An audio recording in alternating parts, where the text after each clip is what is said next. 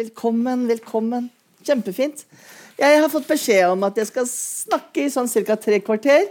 Så skal det være åpent for eh, spørsmål. Og så skal det være åpent for at jeg skal stå her litt etterpå. Det er liksom det som er en slags uh, opplegget. Uh, og jeg er kjempeglad for at det har blitt lagd en sånn metodeserie. Det er så viktig tenker jeg, eh, spesielt for de som er interessert i skriving, de som er interessert i litteratur, de som er interessert i sjøl eh, å holde på med kreative prosesser. Altså Jeg tenkte ikke bare på skriving, men all kreativ prosess. Da kan det med, med, med denne type metodeforedrag være interessant. Jeg kommer til å, til å snakke om to metoder. Eh, min metode for voksenlitteratur og min metode for bildebøker. De er helt forskjellige. Eh, og noen har bedt meg om å snakke om metoden for bildebøker, og noen har bedt meg om å snakke om metoden for voksenlitteratur og dikt. og Derfor så gjør jeg det på den måten. Men jeg begynner med min metode for voksenbøker. For det var det som starta hva skal man kalle det, forfatterskap. Jeg føler jo liksom, Selv om jeg har utgitt en del bøker, og selv om jeg har skrevet i 33 år, så er jeg fortsatt sånn at det er nesten litt vanskelig å kalle meg forfatter. Men eh, jeg havna i hvert fall midt uti eh, språket da jeg gikk i Bø, eh, på forfatterstudiet i Bø. Da hadde jeg ingen metode. Metoden min kom helt konkret sånn ca. to måneder på høsten i forfatterstudiet i Bø.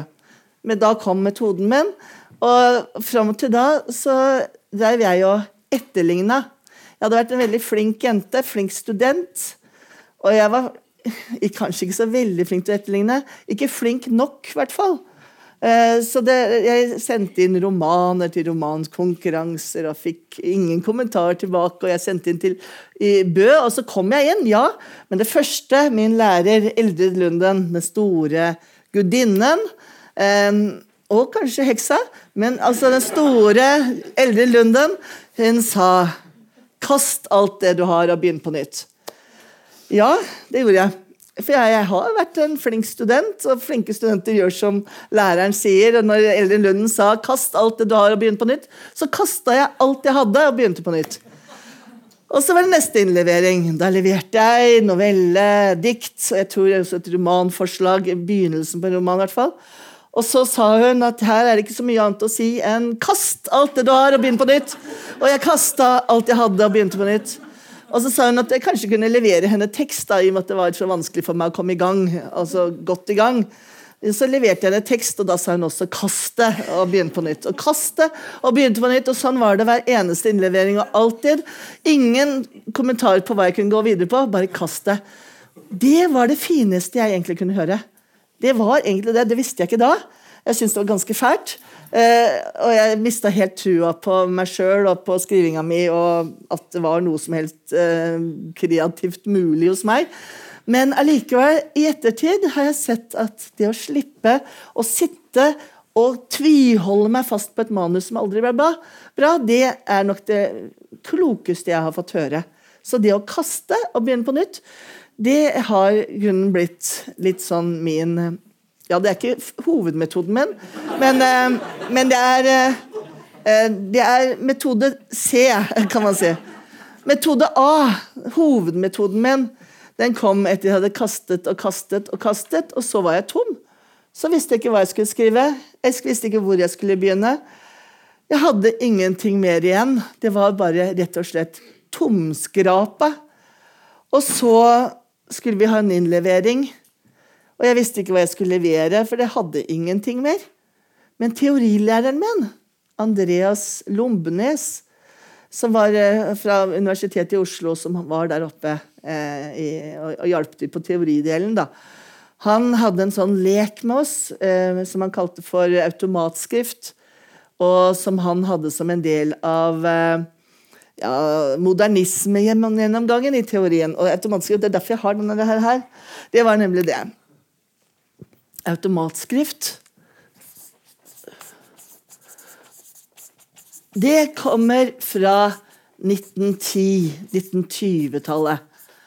Og det var det store, det store tida for spiritisme. Hvor man da snakket i, i, ja, hva skal man si Snakket i eh, de døde stemme, eller demoners stemme, eller guders, englers stemmer. Eller at man skrev i de døde stemmer fram. Og, og, og det, det, var det en som var veldig interessert i. Det var André Breton. André Breton han var egentlig lege. Doktor André Breton. Og det som var interessant med doktor André Betong, det var at han var assisterende lege for Freud. Hæ? Freud! Han kjenner vi. Sigmund Freud. I 1905. Da skrev han 'Drømmetydning' én og to. Ja, og så var det psykoanalysen som vokste fram av det. Sammen med André Breton så lagde de Eller det var kanskje mest Freud, men André Breton han hang med på lasset og var med på gøyen når de jobba med dette her psykoanalytiske modellen. Her har vi ego. Det er liksom det som er hovedgreia i den bevissthetsmodellen. Så har vi superego, som er samfunnet. Lærere, foreldre, idealer, medier. Alle de andre. Forfattere, eh, kunstnere, eh, sjefer. Det er superego. Storebrødre og storesøstre. Og så her, hvem som mener hva, og hvem som er hva, det er ikke så godt å vite. For det går i en eneste stor lapskaus. Hva man sjøl tenker, og hva andre tenker. Men her, den som aldri får lov til å se dagens lys, det er id. Altså det er jeget, overjeget. Id. Underjeget, eller det, som man også kaller det på norsk. da. Det får ikke lov til å ha et ordentlig navn engang. Det er under alle disse her forsvarsmekanismene, fortrengningsmekanismene, holdt nede i år etter år etter år. Og så kanskje kommer det i drøm litt kreativ galskap. Og i, ja, i galskap, ikke minst. Litt kreativ galskap. Sublimeringen, som da sier aha. Dr. André Breton han sier aha! Kunst! Sånn blir kunsten til, sier André Betong. Og doktor André Betong han sier at der ligger kunsten. Og vi får kunsten inn i samfunnet gjennom sublimeringen fra det fortrengte, underbevisste og det farlige begjæret, mørket i menneskedypet. Der, det som man for all del må holde innestengt, det sa André Betong, det var han interessert i. Freud var interessert i terapi, vitenskap eh, Forskjellige sånne gøye ting som han var opptatt av. Dr. André Betong de gikk hver sin vei. Han mot ja, litteratur, og han da mot da, den, og, og I 1926 da, da formulerte han sin teori om psykoanalytisk bevissthetsmodell. Mens doktor André Breton han ble venn med en beste Dette her var i Sveits. Og i Sveits, i Zürich, holdt de på for det, for det, meste akkurat den perioden her. Og så, Der var det også en annen raring. Det var Trotskij og Lenin, men spesielt Trotskij. Veldig sjarmerende, visjonær politiker. Eh, med kommunismen i bagasjen. Og Trotskij og doktor André Breton ble kompiser og bestevenner. Og Dorotskij sa du må slippe fangene løs. Og doktor André sa ja, men det hjelper ikke, alle fanger er fanger inni seg. Og så sa Trotskij at ja, men det, det, bryr ikke jeg meg om, fangene og undertrykte skal løs. Men André Betong han brydde seg om id. Id som doktor André Betong ville slippe løs. Og når doktor eh, André Betong da skilte han vei fra Trotskij Trotskij dro til Russland og ble revolusjonsfader. Mens han dro til Paris, og så ble han surrealist. Surrealist realist. I 1926 da skrev han det surrealistiske manifestet. Og da brukte han automatskriften spiritismen. Han brukte det for å skape en litteratur som var surrealistisk, og som, ja, som var på en måte en han kalte det for å pare en symaskin og en vis på, en, på et eh, kjøkkenbord. og det, det, var liksom sånn typisk altså hans måte å uttrykke seg på. Det er Veldig hverdagslige, men det er liksom ting som da ikke helt passet sammen. Så da når dr. André Breton dro til Paris, så la han Freud bak seg, han la Trotsky bak seg, og han gikk fullt og helt inn i surrealismen, og i kunsten og i litteraturen. Og han var en juksemaker. Automatskrift det tar tre år å lære seg. Tre år å lære seg. Altså, Da må man alltid sitte med blyanten i handa, kulepennen, tusjen Ja, tusj hadde man kanskje ikke da. Blyanten i handa. Blyanten i handa.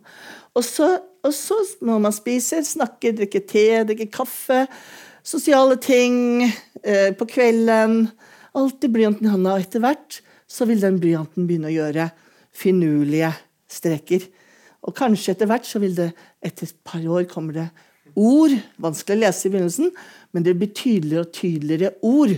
Og det er da altså spiritistene sier Gud eller djevelen eller demoner eller engler eller de døde. Eh, men da hvor han sa id. Det er id. Men, eh, men han gadd ikke å vente på det. To-tre år, det var for lenge for dr. André Betong, for han hadde det travelt. Han hadde kjempetravelt med å skape surrealismen og det surrealistiske manifestet sitt og litteraturen som han trodde sånn på. Så dr. André Betong han juksa. Og han lagde ikke automatskrift, men han lagde en sånn light, light, light, light, light-versjon av den. Og den kaller altså noen for friskrift. Det tar sånn ca. 1,5-2 uker å lære seg. Den lærte jeg meg. Eh, for den snakket da Andreas Lombenes om der oppe i Bø. Han sa at altså, altså han, han snakka om det, men, eh, men, jeg fant ut at det, at det var en sånn, litt sånn light-versjon. Og den light-versjonen, den kan vi den er, er, passet bedre for meg akkurat der og da også, slik som den passet for vår venn dr. André Betong. Slik at, eh, at jeg ble sittende der oppe i Bø og skrive friskrift. I begynnelsen så måtte jeg liksom bare rable, altså la, lære armen å skrive i skrivende bevegelser. Og så vente og bare la armen skrive og skrive i skrivende bevegelser. Der er det faktisk en stol. Ja. Skrive i skrivende bevegelser. Og etter hvert, så, så når jeg presset fram språket her, så begynte det å komme ord hos meg òg. Men altså en sånn jukseord.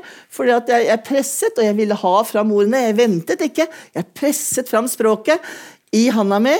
Og, og den kom etter et, et par uker cirka. Og det, var, det, som var så fint da, det var at jeg hadde en sånn forferdelig leilig, hybel hos Birger Sanda i kjelleren. Og der nede i kjelleren så hadde jeg en vask ved døra, og den vasken var lekk. Og gulvet var, heldigvis kan man kanskje si, det var skrått. Slik at der ved døra så var det en, 3 cm høy dam. Så jeg meg, hadde veldig vanskelig for å komme meg ut den døra. Eh, fordi at den var såpass stor, den dammen, at det, at det, å både lokke opp døra og hoppe over den dammen, det var veldig vanskelig. Så jeg måtte på en måte gå barbeint, og så ble det liksom sokkestyr og sånn ut i gangen for å få til dette her vanskelig. Så jeg ble sittende inne. Og hver eneste dag, og de gangene jeg gikk ut, så gikk jeg inn og ut av vinduet. For det ble mer praktisk. Og da Det ble allikevel redningen. Det var at jeg da måtte sitte inne og skrive. Mens alle de andre var på Bøveren og drakk øl. Eller på naboen og drakk øl. Eller på puben og drakk øl, så satt jeg inne i rommet mitt og skrev. Og jeg skrev og jeg skrev, og jeg skrev 600-800 sider med friskrift og rabbel. Og så kom den dagen jeg skulle ha innlevering. Og så valgte jeg ut fra dette 600 siders rabbelet eh, ti dikt. Hentet ut fra rotet, kaoset. Og så, eh, så skrev jeg det pent på maskinen min. Og så gikk jeg opp til eh, skolen til eh, der hvor vi hadde forfatterskurs i Bø. Og så ga jeg opp. Kasta jeg det. Jeg kasta det i søppel, papirsøpla ved siden av kopimaskinen i gangen. Og så gikk jeg inn og så sa jeg at jeg hadde ikke noen ting. Og så sa Eilert Lunden, 'Men hva er dette, da?' Så holdt hun opp det jeg hadde kasta. Hun holdt opp det, og hun sa 'Der skal du begynne'. I dette rotet, i dette kaoset. Her skal du begynne. Og der begynte jeg. Og det blei altså metoden min. Friskrift. Friskrift. Og jeg kan trygt si at det funker. Det funker med friskrift. Man kan tro at det bare blir kaos, og ja, det blir bare kaos. Men, det, men, man, men jeg da rydder opp. Eller det vil si rydder og rydder. Jeg har altså skriver med én tusj, og så har jeg en annen tusj som jeg ringer rundt med etterpå. Så min, min, min metode, grunnleggende metode består av to tusj. En svart tusj og en med en annen farge, avhengig av hva jeg har for hånden. Men da skriver jeg og skriver jeg, helt til jeg kommer til et punkt hvor jeg må levere noe. Og da begynner jeg å se i det jeg har av rot. Og så ser jeg, så ser jeg at ja, der, der var en linje der. Der var det et par-tre linjer der. Og så går det kanskje ti sider, og der var det en linje. Og så 20 sider, og der var det en linje. Og så er det tre sider etter hverandre med en linje der og en linje der og en linje der. Og så ja, der litt og der litt. Og til slutt har jeg gått gjennom alle de 500 rotesidene. Og så har jeg da funnet linjer. De passer ikke sammen. Og så skriver jeg videre på de linjene. Lager jeg hver av de linjene lager jeg til et punkt på en eller annen måte en, eh, en, et dikt på en eller annen måte. Et dikt som på en eller annen måte føles som om det kan stå aleine. Eh, og slik at det, Jeg jukser, jeg òg. Altså ikke automatskrift. Det er light, light, light her også på meg. Og i tillegg Han sa jo at man skal ikke bearbeide, man skal la id stemme stå rein og klar. Det gjør ikke jeg. Jeg lar ikke, og jeg tror ikke på bevissthetsmodellen i det hele tatt. Det kan de få lov til å ha for seg sjøl. Altså, det er jo gøy eh, og interessant i og for seg, og historisk syns jeg det er interessant, men det er jo ikke noe som liksom ligger lenger nede. Det er jo metafor, vil jeg tenke. En metafor, og, og det er jo ikke noe, den fortrengningsmekanismene Det høres så veldig sånn lurt ut, men, men, det er ikke helt sånn det funker. Det sånn, jeg studerte psykologi i mange år, og jeg fant ut at det er ikke helt sånn det funker med det der veldig klare lokket og den kjellerlemmen og alt det der. Men allikevel, det, det her var et interessant utgangspunkt. Og surrealismen var et interessant utgangspunkt. Og for meg, med det surrealistiske råmaterialet, som jeg da kaller for skattkista Og oppi skattkista er det mye juggel òg. Mye dårlig og mye elendig. Og selv om det er det, så gjør det ikke noe, for det er noe som er fint. Nesten alltid noe som er fint. Og dessuten så holder det Det holder energien oppe i språket mitt. Slik at det er to ting. Altså både små linjer, små bilder, små uh, formuleringer som har noe, som er noe, og som jeg da kan gripe tak i og holde meg fast i, og kanskje jobbe videre med, utvide, utvikle og sette sammen. Uh, det er det ene. Det andre som ligger i den metoden, det er å holde språket varmt. Veldig ofte med meg så Jeg har en veldig lang sommerferie på sånn ca. fire måneder, altså fra mai til september. Jeg skriver ikke noe særlig, og jeg jobber ikke med noe annet enn at jeg bare har sommerferie. Det er kjempefint. Men da, for meg da, å komme i gang med skrivingen, så er det tørt og tomt og Ja, Ingenting. Det er liksom bare et kott. Og inni det kottet så er det knapt en støvsuger som står. Og da må jeg på en måte begynne å få liv i det kottet på en eller annen måte. Jeg må begynne å fylle det med ting, og jeg må begynne å finne fram energien i det kottet på et eller annet vis. Og det er da den derre friskriften, da, som jeg kaller det. Friskriften er nyttig å ha. For da setter jeg meg ned, så skriver jeg. Jeg har ikke noen jeg har ikke noen baktanker, jeg har ikke noe mål. Jeg har ingen ideer, ikke en eneste idé. Og hvis jeg har en idé, så legger jeg den så fort bort jeg kan. Men jeg skriver, jeg har uten retning, uten mål, uten noe som helst resultatorientering. Bare lar armen skrive og skrive og skrive og skrive til jeg merker at språket blir varmt. Men språket varmt altså Det er en metafor, selvfølgelig. Det er ikke noe varmt språk, ikke noe kaldt språk heller. Men, eh, men, at språket er ledig. Og ikke minst det at språket begynner å gå til bestemte steder.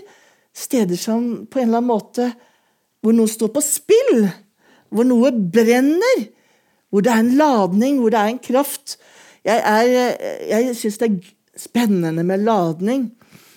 Og selv om eh, jeg, Selvfølgelig ladning kan være mye rart, men, men, men ladde formuleringer, ladde bilder, man for jeg føler at her er det et eller annet. Den lille følelsen av at her er det et eller annet. Sånn som å gå og lete etter kantareller i skogen, så kjenner man igjen synet av en kantarell på ganske lang avstand. Ehm, jeg vet ikke hvor mange av dere er det som leter etter kantareller. Det er noen som leter, ja, det er noen som leter etter kantareller. Da vet dere det. At dere merker med en gang altså Dere kan se på lang avstand, lenger enn det som er mulig å se, om det er en falsk kantarell eller om det er et gult eh, bjørkeblad. Altså dere, Kantarellfeelingen, den har man. Altså den følelsen av ah, kantarell, kantarell. Sånn er det litt eh, i forhold til meg også. Kantarellfølelsen, hvor jeg plutselig kjenner at Hæ, her er det noe. Og Jeg vet ikke helt om det er riktig. Det kan hende at det er falsk kantarell, det kan hende at det er bra, men det er likevel den følelsen som våkner. Akkurat der, i den følelsen av kantarell. Det er en vidunderlig følelse. Og da begynner jeg merke at da begynner jeg å komme i gang. Og da merker jeg det når jeg skriver. Og så kommer jeg inn i kong Midas-fasen. Kong Midas-fasen, alt jeg tar til, blir til gull. altså den følelsen der. Alt er kantarell! Og den, den følelsen jeg, det, Der kom jeg på en måte opp på et nivå Da hadde jeg tenkt å visualisere det òg, for det er jo også egentlig litt, syns jeg, interessant. For en gang En gang så tenkte jeg Jeg, jeg har liksom alltid hørt om forfattere. De har notatbøker, og så skriver de der, og så lager de ting ut av notatbøkene sine. Og jeg, hadde, har masse masse, masse notatbøker. Det er så mange gode ideer i de notatbøkene, syns jeg sjøl. Men eh, problemet er at når jeg begynner, når jeg har en idé, og så skal jeg gjøre noe ut av den ideen. God idé! Kjempegod idé, syns jeg. F.eks. en stol som Sukker under vekten, tenke på den som sitter på den. God idé, syns jeg. Eller eh, to hunder som diskuterer hvor utrolig slitsomt det er med jul. Eller eh, Eller eh, ja, kanskje jobbsbok. Og han kunne gjøre det til Bob istedenfor jobb. Ja, god idé. Tenkte jeg, det, jeg har en idé. Eller hoppe, løpe og hoppe. En som er helt fra han er liten helt fra han blir født. Så eh, fyker han ut av moren med beina som en saks. Og da, hele resten av livet, hopper han. Han blir sånn verdensmester i å hoppe. Og han hopper inn i døden. Til slutt. Og så masse, masse ideer. Men når jeg har denne ideen, så sitter jeg der med det språket mitt, da, og så skal jeg begynne å fylle inn. Da er ideen lagd, og så skal jeg putte på språket. Og så merker jeg at språket dør. Det visner. Ja, jeg får gjennomført novella. Den novellesamlingen heter 'Inflammasjon'. Jeg vil anbefale dere ikke kjøpe den. Eh, men da har jeg altså mange gode ideer. Jeg syns jeg har gode ideer. Eh, det er ikke sikkert vi er enige om hva som er en god idé, men i hvert fall mine gode ideer eh, de visna. Og det er bare fylt på med språk. Og da skjønte jeg at jeg er ikke sånn som skriver på ideer. Språket mitt er egentlig alt jeg har. Jeg er ikke noe spesielt flink til å bygge opp historier. Jeg er ikke spesielt flink til å lage dramaturgi. Interessant dramaturgi. Jeg er ikke flink på motor. Motor, hemmeligheter, konflikter og kontraster. Jeg er ikke flink på personutvikling. Nei, jeg er stort sett egentlig ikke flink på så veldig mye innenfor skrivehåndverket. Men jeg har en eller annen energi i språket mitt og noen rare funn i språket mitt. Og det ligger ikke her på ideene. Det ligger på et helt annet sted. Så der, altså der bare pressa jeg alle disse fine ideene mine, og så pressa de fram. Og så ble det en sånn ganske halvdårlig novellesamling. Og da skrev Linn Ullmann hun skrev 'Gro Dale skuffer'. Og jeg var så glad for at hun sa det. Det var egentlig den fine Mange syntes det var litt hardt sagt. Eh, på Aftenposten, ganske stort slått opp av. Gro Dale skuffer. Men jeg tenkte at ja, da, jeg, da, jeg, da, da fikk jeg den tilbakemeldinga. Altså kast og begynn på nytt. Rett og slett. Altså din den måten å jobbe på, den skal ikke jeg jobbe på. Eh, og da er det mye bedre. Dette er produksjonsfase. Produksjonsfase. Her har vi bearbeidelsesfase. Beidelsesfase. Og det hjalp ikke, uansett hvor mye jeg holdt på bortimellom her og bearbeida. Det hjalp ikke. Forlaget hjalp meg så godt de kunne. Alle sammen, alle hjalp meg så godt de kunne. Det hjalp ikke. Mens her, famlefasen Der Det er egentlig min styrke. Så det er altså friskriften og Andreas Lombenes og Eldred Lunden som sa 'kast alt og begynn på nytt'. Og jeg som snubla litt sånn halvveis baklengs pga. Birger Sandals fryktelige hybelrom. Og ble sittende der. Jeg fikk den metoden at det med friskrift ikke være noe, Og da flytter alle disse forsøkene og kaoset her borte. Og så får jeg en produksjonsfase. Og så trenger jeg ikke å bearbeide så mye. Så det, det er, for meg så var det metoden. Jeg kan lese et par av de dikta som jeg glemte igjen, bak, eller ikke glemte igjen, som jeg kasta, og som Eldre Lunden fant. Bare for å eksemplifisere. I trappen traff jeg paven på et trinn for seg selv. Hva sa paven? Jeg er paven, sa paven. Jeg har mitt eget land, og selv om det er lite, er det stort, med mange rare fugler.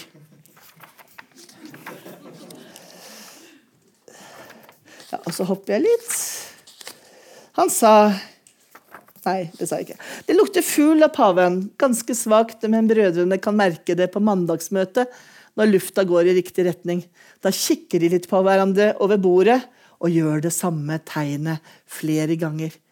Det er alminnelig kjent at paven ber på taket. Han sitter på den store vinden og tar imot en måke når den lander. Ja. Det var legen som fortalte at paven var blitt tykk, 10, kanskje 20 kilo over. Når paven søkte trøst hos legen, så sa han det samme råd.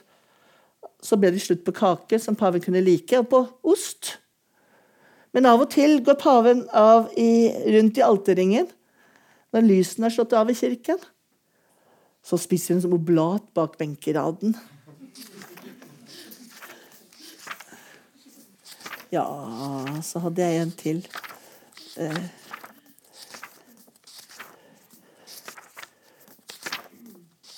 Ja, det var helt på slutten der, tenker jeg. Nei. Han sa 'stol på hunden' når den anviser et sted å sove.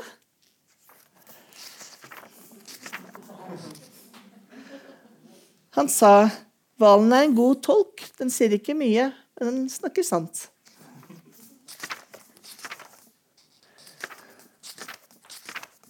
Stadig oftere går paven ut til hunden og legger seg ned ved siden av med hodet inntil en stor grå hund.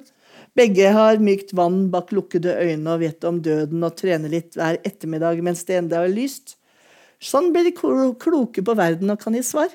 Når paven ikke er hjemme, gå til en grå hund med gråten din. Det var litt så dypt, den, da. men, eh, men, i hvert fall, altså Ja, takk, takk. Takk, takk. Men eh, altså, greia var at det handla litt om å finne ut hvem jeg var. Jeg kom til Bø med liksom Dostojevskij. Jeg ville skrive som Dostojevskij og Hamsun. Og jeg elsket den type litteratur. Stor, saftig, kraftig, voldsom prosa. Og så kom jeg, altså, jeg, jeg, jeg, kjente jo ikke til dikt. Jeg likte ikke dikt engang. Og så ender jeg opp med å skrive dikt. Eh, det var jo litt sjokk for meg, da, som egentlig syntes at dikt liksom, Da måtte jeg begynne å finne ut hva dikt var. Men det var fint, for da fant jeg Georg Johannessen. Og da fant jeg Arild Nyquist, og da fant jeg eh, Elde Lunden. og da fant jeg jo Arvid Torgeir Lie og Helge Rykkja og alle de store, flotte 70-talls, 60-talls Jan Erik Vold, selvfølgelig, fant jeg. Og alle de fantastiske diktene vi hadde i Norge på 70- og 80- og, og 60-tallet. Så at, eh, da begynte jeg å like dikt, men det var først etter jeg hadde skrevet dikt sjøl en stund. Men i hvert fall dette her med friskriften, det var metode A. Metode 1. Eh, etter hvert så begynte jeg å tenke at det, kanskje det skulle ikke vært helt umulig om jeg kunne forestille meg å skrive prosa. da. Jeg hadde veldig lyst til å skrive den prosaen i og med at jeg var så glad i prosa. Eh, og at, jeg, at det kanskje var liksom litt drømmen min å skrive prosa. Så hadde jeg disse diktene, og så skulle jeg prøve å skrive prosa. Og den der prosaen der funka ikke, men det som derimot funka, det var mursteinsmetoden. Det vil si at jeg tok dikt og murte sammen med dikt, murte sammen med dikt og murte sammen med dikt. Og da blei det noveller, eller kortprosa. Og så murte jeg sammen novellene og kortprosaen, og så ble det lengre noveller. Og til slutt så ble det også romaner. Slik at det å ha små biter, og kunne jobbe i det små, det fungerte veldig, veldig bra for meg i forhold til eh, i forhold til det med å, å skrive annen type tekst.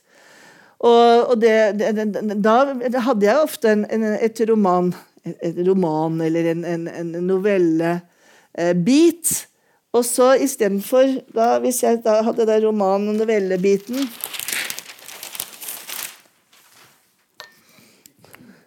Si at jeg hadde en novelle som består av 20 punkter, da. Og det ble ikke så veldig langt. 20 punkter. Hvis man begynner å krasje det sammen, så er vi oppe i en og halv side. Okay, da er vi oppe i kortprosa, kanskje. Jeg har ikke noe slutt, har ikke noe begynnelse. Og så begynner jeg å putte inn det her. Putte inn fortelling sånn. Innimellom. Og da kan jeg på en måte lage prosa ved å putte prosaen inn mellom bitene. Slik at jeg kan bygge først bygge sammen de som passer sammen, og så kan jeg begynne å legge inn etterpå. Den romanen som kom Jeg hadde ikke sett den engang. Den kom akkurat i dag eller i går her. Eh, og jeg kjøpte den her nede. Eh, og, og, den er skrevet sånn. Jeg hadde et lite skjelett av, av uh, biter. Og så putter jeg inn en historie etterpå. Jeg putter inn en innledning og så putter jeg en innledning foran innledningen. Jeg vet ikke hvor mange innledninger det ble til slutt. Og jeg tenkte at det, kommer jeg opp i 40 sider, så er det bra. Men så, så, var det veldig gøy, og jeg lagde innledning på innledning. Og det ble bare flere og flere innledninger. Og så tok vi bort etter, etterpå så tok vi bort noen av dem, men så begynte jeg å lage flere og flere innledninger. Og så plutselig så ble det en prosa, eller ganske da begynte det å bli, og her plutselig så ble det mange ting her. Og så plutselig så ble det, vokste det.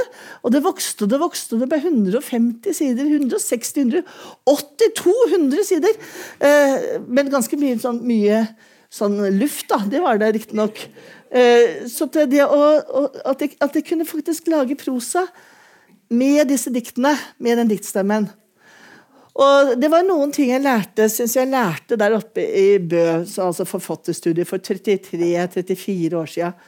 Og det var altså kastet, og begynne på nytt. Det var liksom den viktigste læringa. Det andre var, som da Eldre Lunden sa, du får være den du er til det går over av seg sjøl. Og det, altså det at jeg behøver ikke, skal ikke prøve å være Dostojevskij, jeg. Jeg trenger ikke å være Hamsun. Jeg er Gro, og ingen andre, ingen andre enn meg kan være Gro. Altså, hvis noen andre prøver å være Jo, nå, nå er Synne Lea hun er litt bedre til å være Gro enn en Gro er til å være Gro. Riktignok. Eh, men, eh, men stort, sett, stort sett så er jeg den som er flinkest til å være Gro. Eh, nesten alltid. Eh, og da at jeg må prøve å finne ut hva er det jeg er, hva er det jeg har? Hva er min stemme? Altså Stemme det er jo noe det vanskeligste som fins. Det, det, det, det, ser man jo egentlig bare når man har skrevet en stund. Da ser man at ja, men det, det var stemmen til Gro. Det var disse små, rare bitene. Litt humørfylte, litt pussige, litt snåle. Og noen av dem er litt ja øh, Naive, kanskje. Naive, jeg syns det hørtes ille ut. Men allikevel, naiv er helt ok, det. Jeg får være der jeg er til det går over av seg sjøl. Det, det rådet der, å være den jeg er, og være der jeg er til det går over seg sjøl, det var fint for meg. Så fikk jeg barn, og så var det masse barn, masse familie, og så plutselig så var jeg et annet sted. Og da prøvde jeg å komme tilbake igjen til friskriften, eller til, til det helt naive. Men det var ikke lett å komme tilbake igjen dit. Men da var det mye familie og mye det med mor, morsskikkelsen. Og plutselig så var jeg et annet sted. Eh, Kast det og begynn på nytt. Du får være den du er til det går over av seg sjøl. Så sa hun det. Gå dit det brenn! Gå ut til brenn. Og Det er jo på en måte også noe som jeg da opplevde som viktig. Når jeg holdt på med friskriften, så var det der det brant for meg. Det er der jeg kom ned til områder som hadde ladning, som hadde energi, som hadde kraft. Og hvor ting sto på spill. Hvor det var noe som på en eller annen måte var viktig for meg, selv om det var denne dumme paven og disse dyrene og, og, og denne, altså de første der i audiens, så var det likevel noe som jeg opplevde sto på spill der. Eh, så det at jeg, jeg, fant fram, eller det at jeg snubla fram til disse brennpunktene Og jeg tenker at det er ikke så det er ikke sånn at man skal tenke at ja, hvor brenner det? Det brenner alltid. Det brenner alltid rundt det med mor og far. Der brenner det alltid. Mor og far er noe av det farligste ordet i eh, vokabularet. Mest spennende, mest ladede. Og selv om eh, man har et godt forhold til mor og far, så er det alltid masse kraft rundt der. Når jeg studerte psykologi, på nevropsykologihalvåret, målte vi med elektroder. For hvor, når det var liksom nok mest elektrisitet i systemet, i det nevrologiske systemet. Og det var ikke når det var nazi, kreft, sex eh, Alle de store farlige ordene. Det var når det var mor og far. Da brant det i hjernen. Eh, slik at altså det, Man kan godt gå til mor og far. Det vil alltid være trøkk der. Så der, man, Mangler man trøkk i en tekst, da er det bare å putte inn mor der, så, så får man opp trøkket. Det psykologiske trøkket. Men, eh, men, for meg handler det rett og slett om å finne disse eh, rett og slett drømmespråket, da, kan man si. Surrealistiske trådene nedover i det psykologiske dypet. Altså hvor det, hvor, hvor det mer Ja, de underlige bildene. Det var der hvor det brant hos meg. Så sa jeg også Eldre Lunden, du får grave mer stein. Det visste jeg ikke hva det betydde, og det vet jeg fortsatt ikke. Men, eh, men, men, det siste hun sa, det var 'Du må ikke være så snill jente og flink student'. Så altså, kast vekk den flinke studenten. For jeg var veldig flink student. jeg var kjempeflink student. Men den kunne ikke hjelpe meg som forfatter. Ikke det hele tatt. Det var faktisk bare et problem at jeg var en flink student. Og flink på en måte til å gjøre det riktige. Altså Jeg måtte bli, lære meg av med å være flink og prøve å, å finne fram til det som var uflinkt i meg, egentlig.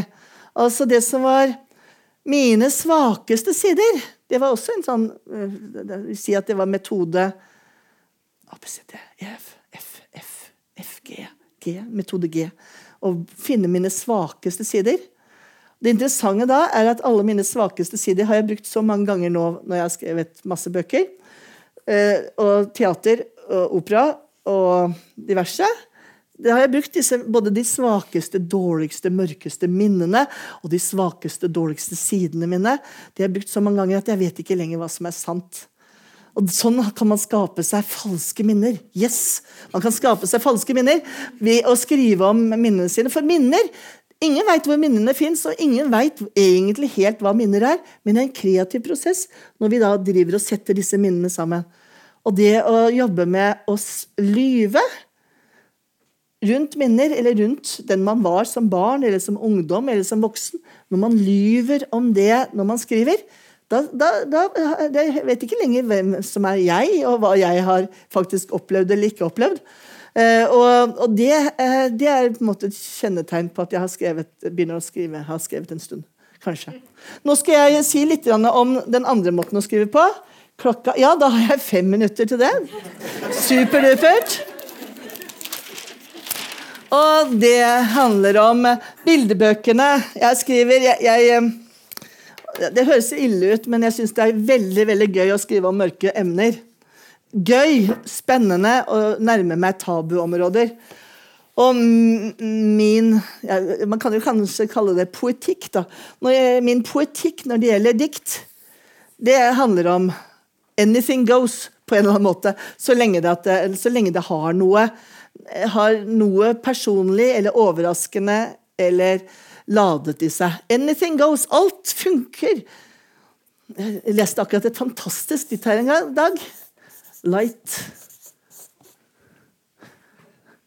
det, det var en amerikansk fyr som heter Amons som jeg ikke har hørt om før. Light. Hvordan leser man det? Hva er det? Det syns jeg var fantastisk spennende. Det er veldig, veldig interessant. Altså Når folk begynner å undersøke lyder, når folk begynner å undersøke semantikken, undersøke stavelsene, og begynner å eksperimentere Altså Amerikansk da, det funker ikke så godt på norsk, men, eh, men, på engelsk er det veldig interessant. Ja, altså, så Poetikken min når det gjelder dikt, det er at alt er lov. Absolutt alt er lov. Poetikken min derimot når det gjelder dragen Den kom akkurat nå. Sinnamann og Blekkspruten, som handler om omsorgssvikt og vold i heimen og uberegnelige mødre og incest og sånne greier. Da, det, der er det at jeg vil Da har jeg en veldig, veldig klar pedagogikk som ligger i poetikken min. Det er at jeg har lyst til å bruke språket som en lykt. For å se inn i hjørner, inn i skap, inn i mørke rom, inn i kjellere, under trapper inn der hvor det ikke kommer noe lys, der hvor dørene er låst og lukket. Det er min poetikk. Bruke språket som en lykt.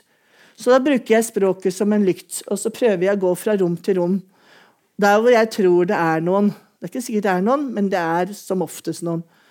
Eh, og, det å bruke språket som en lykt, altså det å belyse emner, det er det som er min poetikk i, i, i bildebøkene. Eh, å bruke språket som en lykt innebærer også at jeg åpner opp en dør, for jeg må lyse inn. Så bruker bøkene, bildebøkene bruker språket, bruker ordene, som en døråpner inn til disse rommene, slik at de, de som er der inne, skal vite at vi ser dem, og vite at jeg ser dem, vite at de er sett, at de er oppdaget en, at de har en mulighet for å komme ut, at de har en mulighet for å strekke seg fram. Og sånn sett så blir da boka til syvende og sist en venn. Det er det jeg håper. Det er min poetikk, min drøm, min håp og min, min regelverk, nærmest. Nå spytter jeg òg. Eh, mitt regelverk når det gjelder bildebøkene, det er at boka, at språket, skal bli en venn på en eller annen måte. Strekke en hånd fram. Sånn sett så blir det noe helt, helt annet enn det jeg gjør i, i um, det, enn det jeg gjør på, uh, si, i diktene mine. Eh, I diktene mine så skriver jeg ikke for noen lesere. Da bare skriver jeg for meg sjøl. Alt er mulig, det er ingen begrensninger. Eh, det blir spennende å se hva som kommer, og hvis ingen liker det, helt ok. Altså, det er bare mitt forskningsprosjekt. Jeg leker og forsker. Men her, her har jeg en poetikk med et rammeverk og et regelverk som gjør at jeg mm, prøver å bruke språket for å nå fram eh, til den voksne, til den barnet, til de som er i den situasjonen på en eller annen måte. Og da, jeg, da har jeg én hovedmetode, og det er ikke det der. Det er metaforen.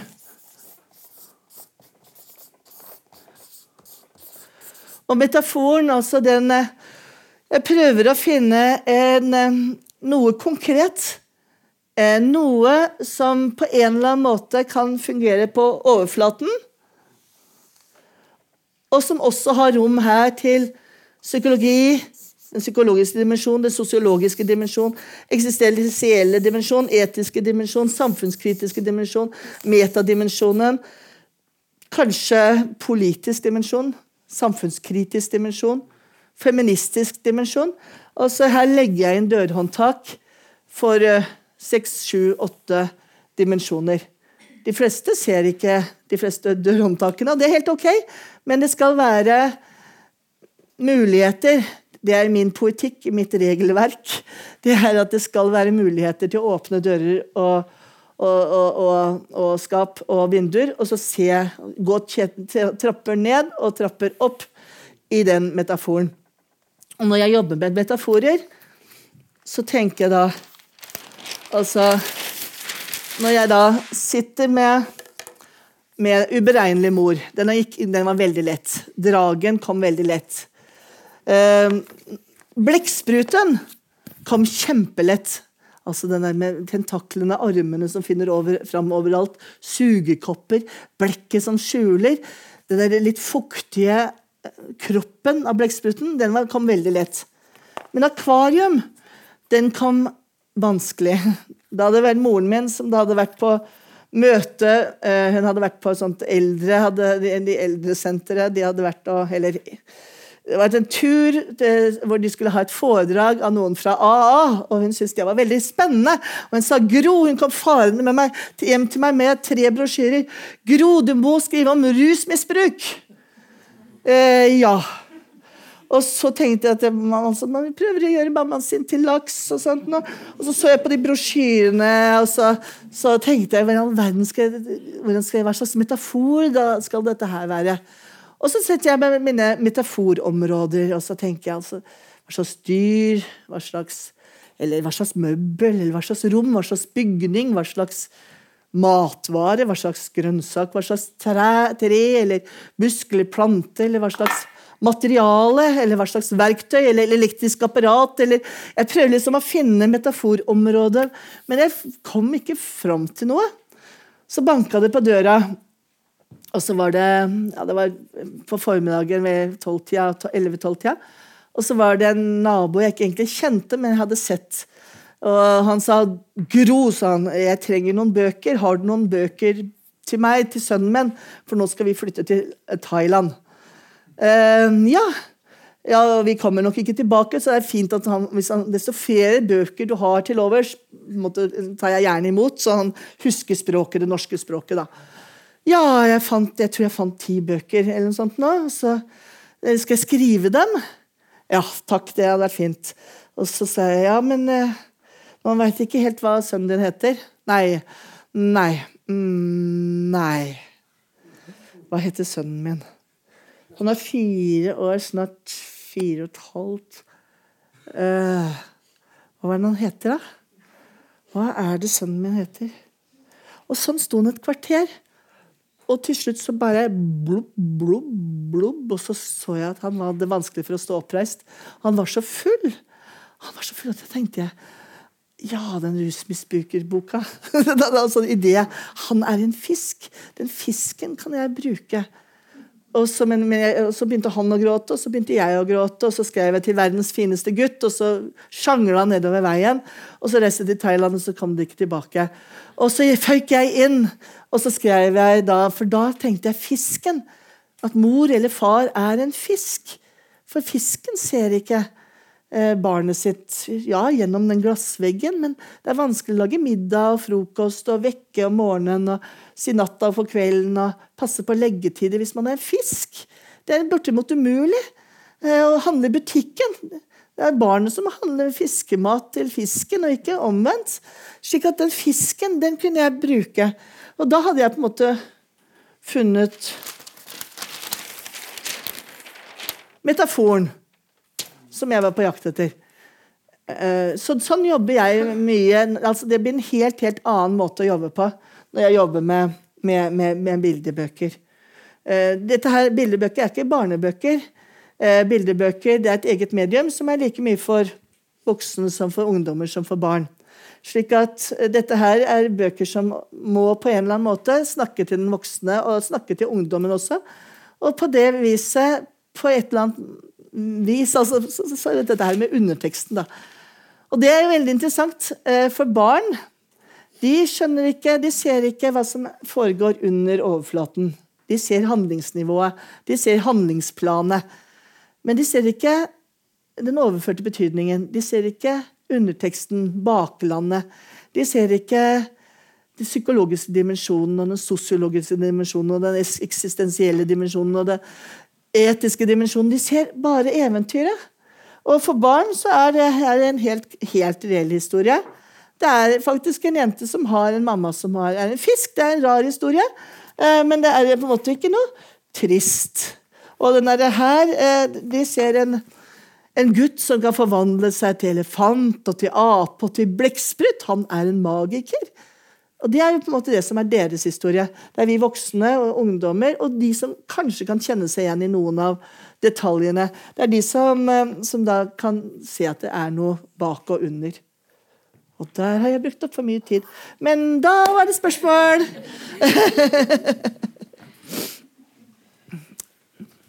ja.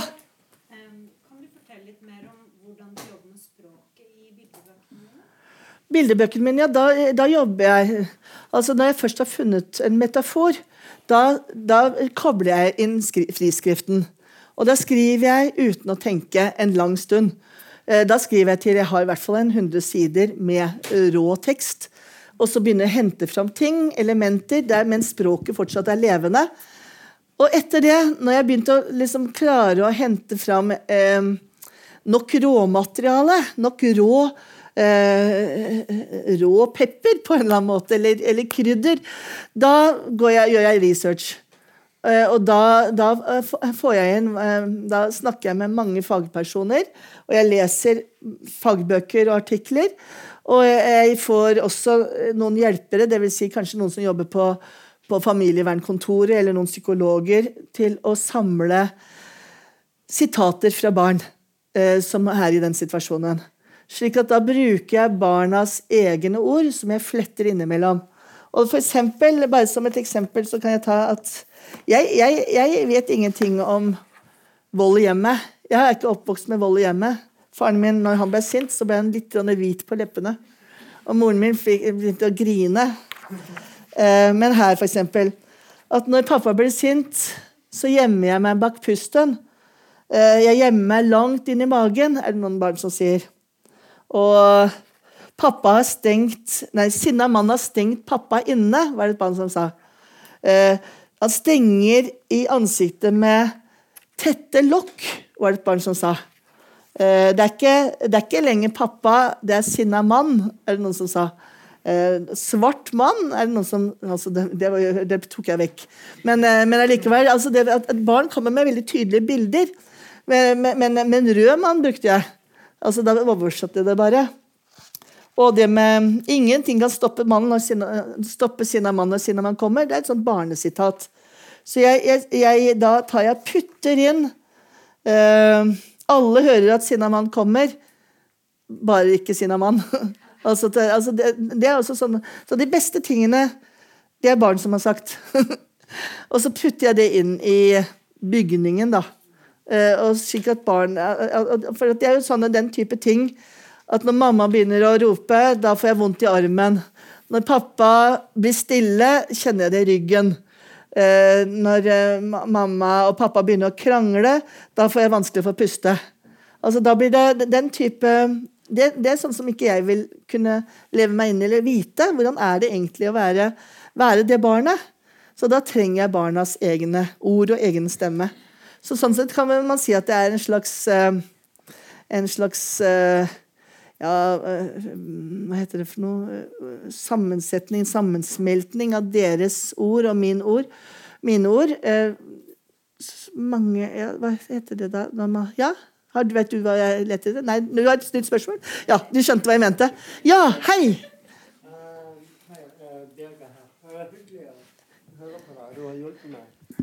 Du har hjulpet meg veldig mye. Å, oh, takk. Uh, men nå er det sånn uh, Når jeg går i stå uh, med den boken jeg er i gang med, det ja. første, det første ordentlige bok, ja. da bruker jeg poesi og ja. og drømmene mine. Ja. Men er det noe du har opplevd at av og til så våkner du, og så skriver du, og så legger du deg igjen. Ja. Og det jeg skriver når jeg liksom er våken nok til å skrive, ned som bare sånn halvår, og så kan jeg få poesi ut av det. Ja. Men så, når jeg så er våken og klar og fått kaffen min, ja. ha, da ah, ja. Så kommer jeg i gang igjen. Så kommer det i gang igjen. Skriver jeg ofte Fantastisk. Ja. Uh, 40, 30 eller 40 sider Fantastisk. på to-tre dager. Ja. Men er det noe du bruker, f.eks.? Ja, eh, suggesjon. det er en metode som jeg eh, syns er veldig fin. Som, eh, altså, vi er i et suggestivt modus to ganger i døgnet, minst. Og det er som du sier, når vi våkner, og hvis vi våkner fra en drøm spesielt, når vi våkner og når vi sovner på kvelden, da er vi suggestive. Da har vi ja, sjefen altså da, Hvis man går tilbake igjen til uh, vår venn uh, superego altså Hvis man tenker mer i forhold til nevrologiske, nevrologiske termer, da, som er altså, på moten nå om dagen Her har vi huet. Oing, nesa øret. Og her har vi hjernen vår. Her er frontallappen kobla til øyet. Her har vi amygdala, eh, limbiske system rundt amygdala. Her vi et språksenter her. Og man, man vet ikke hvor mange språksenter man har. Det er fantastisk spennende at man faktisk ikke veit hvor mange språksentre. Men man har et språksenter her som går til eh, altså logisk tanke, logisk bruk, analytisk, eh, eh, analytisk eh, håndverk, eh, være i verden og få til det hverdagslige, så har man et mer følelsesmessig språk her. Jeg kaller det intuitivt. Og jeg kaller det her mer analytisk. Eh, frontallappen den trenger ganske mye søvn. og den, den sovner før, før vi sovner. På kvelden så er sjefen ute. Altså, dette her er sjefen. Sjefen sover.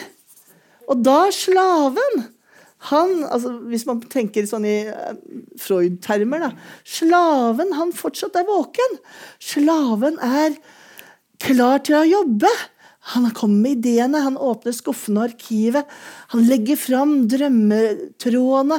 Han, han, han er aktiv. Og det, det, det som skjer der, eh, det er veldig kreativt. Og ofte veldig forbundet med, som du sier, dikt. da. Eh, Det poetiske. eh, Og det drømmeaktige. Det surrealistiske også, kan man kanskje kalle det. Eh, Kaotisk, men, men, men ganske interessant språklig. Det er en metode som er mange tusen år gammel, som har blitt brukt av mystikere helt tilbake til tidenes morgen, som går på at man skal stirre opp i taket, eller taket, opp på månen, eller opp i lyset, eller et eller annet sted. Og så skal man ikke blunke, men riste. Ikke blunke, men riste, riste, riste, riste. Da rister man altså sjefen. Riste, riste, riste, riste, riste. Helt til man kommer i en slags ikke akkurat forvirringstilstand, men i hvert fall at man begynner å bli gjennomrista. Så lukker lukke øynene, sette seg ned, eller man sitter antageligvis på forhånd.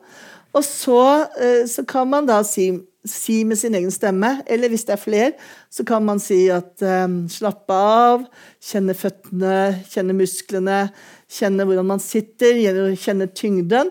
Og nå teller jeg til ti. 1, 2, 3, 4, 5, 6, 7, 8, 9, 10. Du er i et landskap.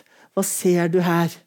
Og så kan man på en måte få altså den type suggestiv tilstand. Da kan man se rare, spennende, interessante ting. Da er hjernen vår vidåpen.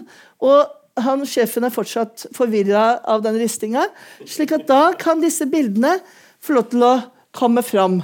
Eh, indre bilder, drøm, ikke akkurat drømmebilder, men i hvert fall at det er suggestiv tilstand. da, Med veldig kreativitet. Eh, veldig språklig kreativitet også. Og jeg bruker ofte det når jeg står fast, og spesielt når jeg står fast i prosa. For jeg står oftere fast i prosa enn i dikt. Og når jeg står fast i prosa, da, en- da, da bruker jeg den Altså, hva, hva skjer nå? Nå da, da sier jeg at nå du er i rommet til moren, hva, eller til Marie. Eh, du ser rundt deg. Hva ser du nå? Oi, det skjer noe i hjørnet. Altså, altså på en måte kan jeg da suggerere fram at det skjer noe, og da kan jeg se ting, og de kan være, ofte være overraskende. Og da kan jeg ofte få en, en, en, en hjelp til å komme videre. Så for min del så er dette her ganske nyttig. Men det er jo fordi at jeg egentlig er en veldig intuitiv skribent. Eh, så eh, jeg, er, jeg er altså veldig dårlig på det analytiske. Ok, flink student, men ikke til å være skjønnlitterær. Mens det intuitive er det sterkeste for meg når det gjelder det skjønnlitterære. Men eh, en annen ting det er også at jeg har holdt mye kurs for eh, utbrente journalister. Jeg og Finn Skårderud på Institutt for journalistikk. Og det var veldig, veldig spennende. Det morsomme var, eh, altså morsomme, det triste var at veldig mange av de som kom på de kursene, det var unge gutter som har blitt slitt ut av utbrent av um, VG eller Dagbladet. Eh, Fordi at de ble ut, de, de ble, det var rovdrift døgnet rundt. Det var ikke morsomt. Men det som var morsomt, det var at det tok bare egentlig tre timer å få dem på beina igjen. Fordi at utbrentheten var så begrensa. Det handla ikke om en depresjon, det handla ikke om en sånn skikkelig utbrenthet. Det handla om at det hadde stoppet opp foran datamaskinen, på arbeidsrommet, i arbeidstida.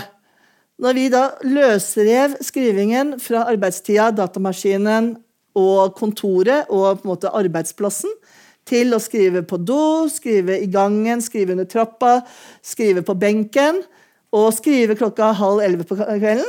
Så plutselig så var det ikke utbrente lenger. Og det er ganske spennende. At tid har så mye å gjøre med språk. Tid, sted og ramme. Og derfor, altså når det stopper opp, og som du sa, når det stopper opp, det å gi seg selv f.eks. en annen frist, da. Og der, der, For meg virker det som, og merker jeg på skrivekurs, at korte frister, tre minutter, fem minutters frister, de er veldig frigjørende. Eh, to dagers frister, ikke så frigjørende. To måneders frister, helt lammende. Så at, altså, desto kortere fristen er, desto mer åpner man opp, desto mer slipper man taket. Og det var veldig frustrerende en periode når jeg hadde sånne tekstgjennomganger. Ja,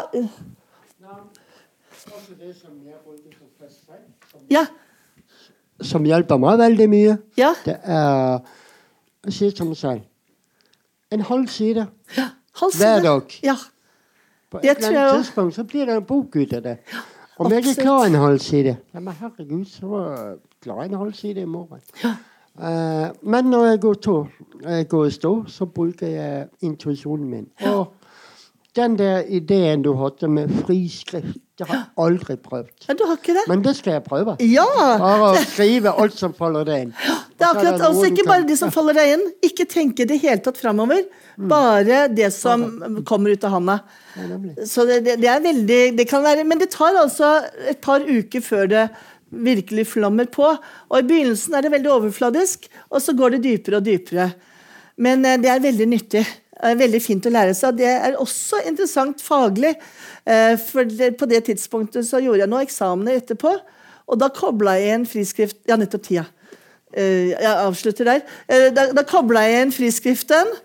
og da, de tingene jeg ikke husket på eksamen, de, de kom når jeg skrev eh, friskrift på eksamen.